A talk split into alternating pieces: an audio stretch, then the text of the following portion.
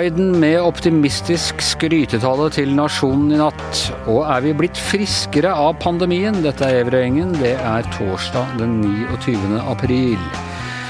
Ja, eh, Per Olav Ødegaard, nettopp stått opp, holdt jeg på å si, fordi du har vært eh, oppe i natt og sett på tale til Biden. Helt som i vi snakket om det her. Det er helt som i vinter. Vi måtte være oppe og se på sånne debatter og alt mulig rart uh, før valget. Hvorfor var det så store forventninger til akkurat uh, denne talen? Jeg tror alltid det er forventninger til den første talen en president skal holde i Kongressen. Det er jo ikke sånn vanlig State of the Union, altså tale om rikets tilstand. Den kommer på en måte først i i, etter ett år da, i presidentembetet. Men eh, vanligvis så, så, så går, drar presidenten til Kongressen ganske kort tid etter innsettelsen, eh, og legger gjerne fram en del av de planer han har for sin presidenttid. I, I, år så har Biden egentlig ventet ganske lenge. Um, han har jo brukt 99 dager før han kom til Kongressen. Um, og eh, det han gjorde i går, var jo å snakke ganske mye om det han har gjort, men enda mer om det han har tenkt å gjøre framover. Og litt spesielt det at han kommer inn i Kongressen, for det er altså, som du sier, det er første gang han er der etter at han ble eh, etter at han ble president. Han har jo vært der mye tidligere, ikke minst som representant, men også som, som visepresident. Men nå kommer han altså inn der eh, etter at den ble forsøkt voldelig overtatt av folk som ikke ville godkjenne valget av ham som president. Satte det noen spesiell ramme for eh, det hele, eller? Ja, jeg syns jo det var umulig å la være å tenke på det som skjedde 6.1. Han var jo inne på det i talen også. Kalte det det største, mest alvorlige angrep på det demokratiske systemet eh, siden borgerkrigens tid. Eh, og, en eksistensiell krise, var det ikke det uttrykket han brukte? Jo, en, en eksistensiell finansiell krise, ja. Eh, og eh, eh, at hele demokratiet ble satt på prøve, men at de hadde bestått den prøven. Da. Og var, alt var jo veldig spesielt i går, eller i natt. Alt var jo veldig annerledes. Det var bare 200 til stede der, det er vanligvis 1600. På plass til 1600 der. Det er ikke nok med de som er senatorer og, og representanter i huset, men det er jo også gjester, og det er uh, Høyesterett og uh, generalstaben og Det er mange som er til stede der uh, en sånn, ved en slik anledning. Men i dag, i, denne gang pga. korona, selvsagt, var det veldig annerledes. Så En annen ting som også var spesielt og bemerkelsesverdig, var at det var to kvinner som flankerte, flankerte ham da på podiet for, aller første gang. Um, USA har en kvinnelig visepresident i Kamala Harris, og så har de fler, demokratene er flertallslederen i Nancy Pelosi. Så det var et eh, historisk eh, første gang det har skjedd. Og så skriver du altså i kommentaren i dag eh, at han slår an liksom en veldig da optimistisk, ambisiøs eh, tone. Litt sånn ekko av Franklin D. Lano Roosevelts New Deal og, og Lyndon B. Johnsons Great Society-prosjekter. og De der litt, hva skal du si, de nesten litt sånn maniske amerikanske presidentprosjektene eh, som man, man, har hatt innimellom, hvor de virkelig liksom skal eh, De skal gjøre så enormt eh, mye.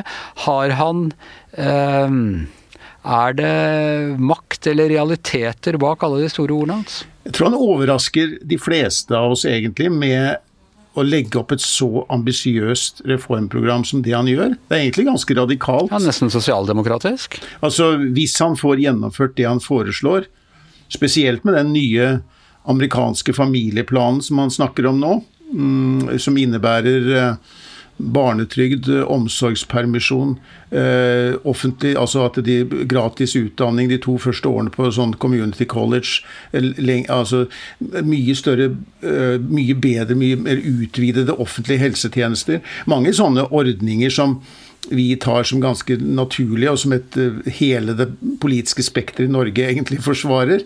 Eh, men eh, i USA så er jo dette radikalt. Og det har vært nedbygd egentlig siden Reagan. altså du nevnte jeg Roosevelt og, og Johnson og den tradisjonen, men etter det så har man jo også, også demokratiske presidenter har ikke egentlig tatt noe virkelig initiativ for å gå tilbake til den der ideen om et slags amerikansk velferdssamfunn?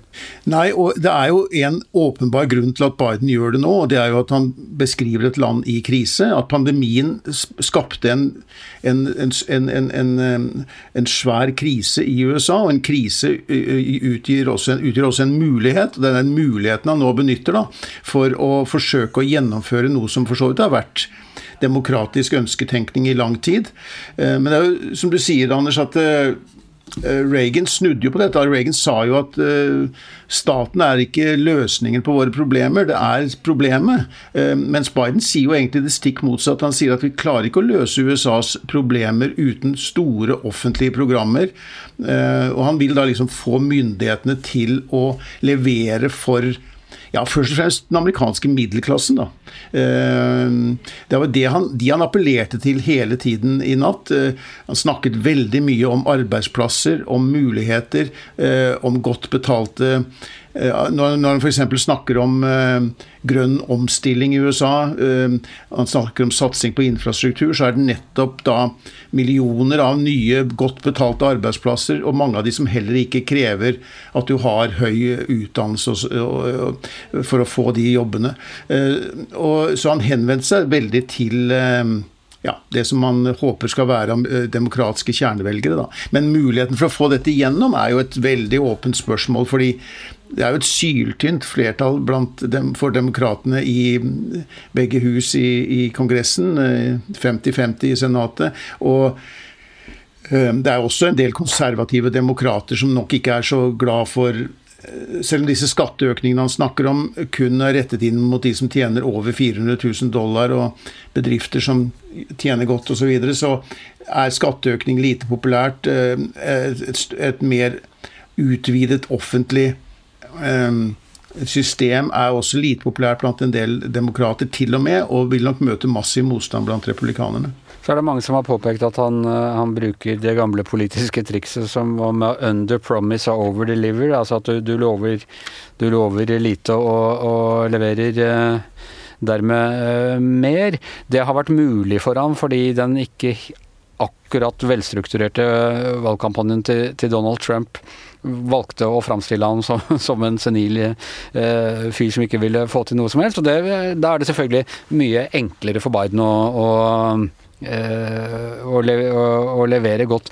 Men samtidig eh, det må jo også sies at en del av de, tingene, de result, faktiske resultatene, det som ikke bare er løfter og ambisjoner, men f.eks. vaksinasjonen og sånne ting, det er jo å fortsette et program som ble satt i gang under, eh, under forgjengeren hans. Han har et ganske lang vei å gå før han leverer på alle disse tingene? Ja da, men han har jo eh, overlevert, eh, holdt jeg på å si. Han har jo levert mer enn han hadde lovet når det, gjelder dette med vaksinering. Han sa han skulle vaksinere 100 millioner, eh, sette 100 millioner vaksinedoser skulle bli satt ja, de første 100 dagene. Nå er det satt 220. Som jo egentlig var et ganske beskjedent mål på mange måter? Selv om det er et høyt tall? Ja, det er sant. Men, og han fikk gjennom den der store redningspakken, som de kaller det. Altså den, det var jo en gigantisk eh, støttepakke, da, koronatiltakspakke. Eh, nå har han jo lagt fram den der infrastruktur- og sysselsettingspakken, som også er kjempesvær. Eh, minst like stor som den første. Og nå da denne tredje store tiltakspakken, som skal gå først og fremst til familier. Så det mangler ikke på ambisjoner. Han har gjennomført, han har jo med et pennestrøk forandret mye på det som var Donald Trumps politikk, med 40 sånne presidentordre. Jeg tror det er 40 han har undertegnet så langt. Så han har, vært, han har vært aktiv. Han har gjort mye på kort tid slik Trump på en måte var og gjorde om på Obamas politikk. Jeg tenker at eh, Lærdommen av dette her er For det var jo litt man, man undervurderte jo også Donald Trump uh, under valgkampen i 2016. Både hans vinnersjanser og, og, og så hvor, hvor, effektiv han lik eller ikke lik hans politikk, men hvor effektiv han ville være. og Det er alltid et godt utgangspunkt når man overtar makten, at man er blitt undervurdert av motstanderen. Det er det. Det er det. Det er, det er veldig slående den kontrasten til Trump en av de tingene som jeg la merke til i natt også, var jo dette at han hele tiden snakket om vi, og ikke så veldig mye om jeg. Altså Han snakket veldig mye om at vi gjør dette sammen, vi skal klare dette her. Han, han henvendte seg også til republikanerne. Og når det gjelder dette her med at alle forstår, alle, alle forstår egentlig at han vil ikke få gjennom alt det han nå legger fram for Kongressen. Men han snakket om Han var såpass pragmatisk da, at han sa at vi, vi, vi, blir ikke enige om alt, men la oss bli enige om noe. La oss komme fram til noe. Eh, og eh, det å ikke gjøre noen ting, det er i hvert fall ikke noe alternativ. Så han eh, forsøker nok fortsatt å bygge noen broer, selv om det er vanskelig å se hvordan det kan skje i det veldig polariserte USA. Men hvis noen skal klare det, så må det kanskje være han som har sittet 38 år i Senatet og 8 år som visepresident, og som kjenner spillet, som kjenner alle aktørene. Eh, veldig mange av dem i hvert fall, som sitter også på den andre siden eh, i, eh, i, Kongressen. Eh, så eh, det gjenstår å se hva han klarer å få igjennom. Men han har i hvert fall satt seg veldig høye mål. Ja, og han har lagt an en mer progressiv agenda enn kanskje mange ville tiltrodd. til. Han snakket med en sentral SV-er i dag, som nå var liksom full av eh, begeistring for, eh, for, eh, Biden. Og det er egentlig første gang jeg har hørt fra, fra den kanten en begeistring for en amerikansk president. Det er også noe med framtoningen hans, Per Olav. Jeg er liksom det er noe litt sånn uh, gammeldags Han er jo en gammel mann. Og jeg får litt den derre Hvis du har vært på den der utstillingen i Disneyland med de der Animatronics-presidentene, Lincoln og alle sammen, som er sånne roboter som sikkert var veldig imponerende da de ble satt opp i 1962 eller noe sånt. Uh, så står det, han, han, er litt på den derre gamle, stive, arkaiske Ivo Caprino-måten i sin framføring også? Ja, jeg syns det var både gode og mindre gode deler av talen hans i natt. Jeg syns han, han, var veldig god i starten, og også ved avslutningen. og Da snakka han litt om de store visjonene og de store linjene. Men så ble han jo, som mange andre, da, sånn midtveis i talen veldig opptatt av liksom skulle nevne, si noe om alle ting, og bruke veldig mye tall og statistikk. Og da så det ut som han kjedet seg litt selv også. Det var kanskje da Ted Cruz og andre i salen falt i søvn, vet ikke jeg. Men, har sett det der at eh, Ted Cruz sitter og dupper. Ja, nettopp. Eh, og det, det, var litt sånn, litt sånn svakere. Men, men, samtidig så Det er ikke så ofte at presidenten på en måte avviker fra manus i sånne sammenhenger, men det gjorde jo han. Blant annet ved å snakke om sine tidligere samtaler med Kinas president Xi Jinping og sånn. Altså en del av det der sto ikke i det opprinnelige manuset. Så han viser jo evne, og, og for de som hele tiden sier at han er eh, senil og ikke er i stand til å liksom på en måte fylle embetet. Så jeg syns han eh, på alle mulige måter avkrefter de der påstandene som en del av hans politiske motstandere prøver å holde ved like. da. Han er eh, i høyeste grad til stede, og veldig aktiv. Han er til stede og, og frisk, og han er eh, i ferd med å da vaksinere hele USA. Eh, vi skal snakke mer om, om pandemi og vaksine og sånn, fordi eh, det paradoksale ved hele den situasjonen vi har vært i nå eh, det siste året, drøye siste året, det er rett og slett at det går ganske Hvis vi ser bort fra korona, så går det veldig bra med folkehelsa, Astrid Mæland? Ja, Anders, jeg føler meg ganske frisk. Jeg vet ikke hvordan det er med deg? Ja, nei, Jeg pleier jo å være igjennom et par kuler med forkjølelse og kanskje noe omgangssjuke eller noe sånt i, løpet av et år. Det har jeg ikke hatt det siste året. Er det tilfeldig, tror du? Eh, nei, eh, det er min svogerforskning òg. Så på barnehagen så så vi jo for meg at vi skulle bli stengt ut eh, halve året pga. de strenge reglene. De aksepterer jo verken snørr eller host, men det har jo ikke vært noe snørr eller host. Eh, som vi har på nyhetene på NRK i dag, så har vi sett at eh, det har blitt rapportert færre tilfeller av leukemi hos barn. Og tidligere så har vi jo sett at eh, etter den harde nedstenginga i fjor, så kom det flere, færre rapporter om hjerteinfarkt, færre hjerneslag. Færre innleggelser som følge av kols, lungebetennelse og influensa, det har vi hørt om. Og det med, med hjerteinfarkt og hjerneslag og sånn, så kunne man kanskje mistenke at det har med at Eh, sykehuset var stengt, og at folk ikke torde å gå på sykehuset. Men eh, f.eks. ved Akershus eh, sykehus da, så så man en halvering av hjerteinnleggelsene, men likevel ikke flere som døde av hjertesykdom.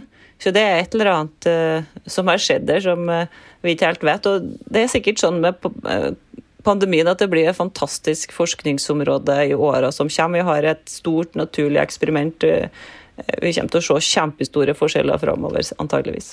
Tror du det vil føre til at det er en del av disse tingene man må leve med, som man har sett i asiatiske storbyer i, i flere tiår? At folk går med ansiktsmaske, uh, uh, f.eks. Uh, bruk av antibac og plasthansker og sånne pleksiglasskjermer. Uh, Tror du det blir mer av dette når eh, pandemien Ja, er jeg har merket merke til at eh, FHI sin sjef Camilla Stoltenberg sa at vi kanskje har tatt for lett på influensa. De var jo litt overraska over hvor lett det var. Ikke lett, da.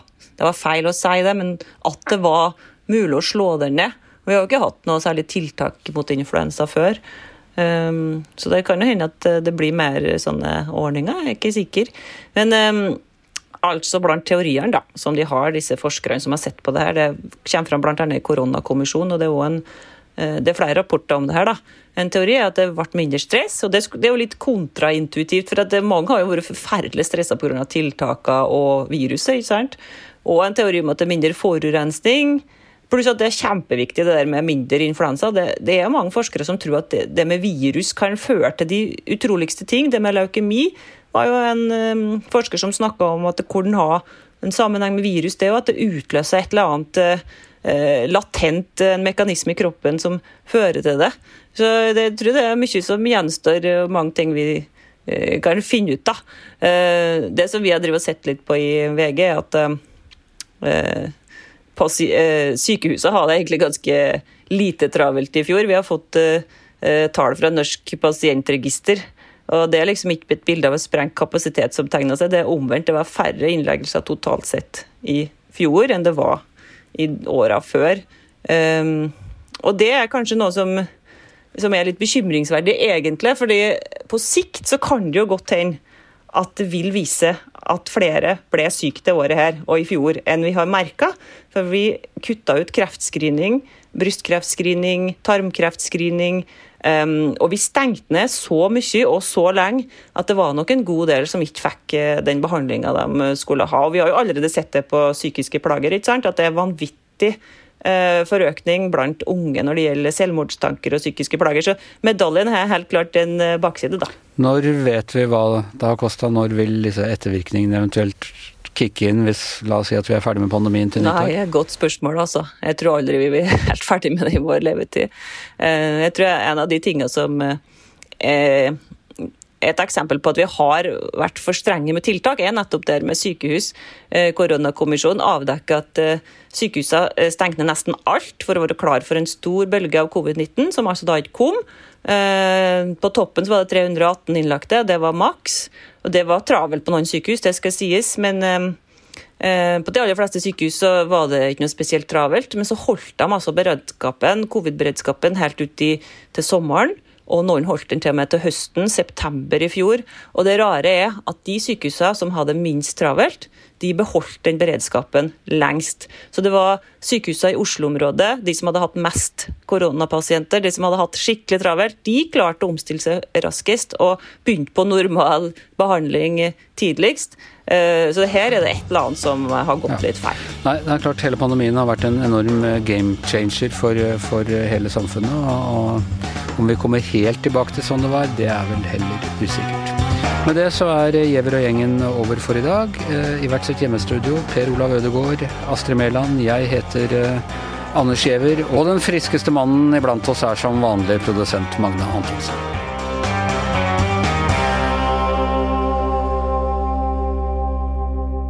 Du har hørt en podkast fra VG.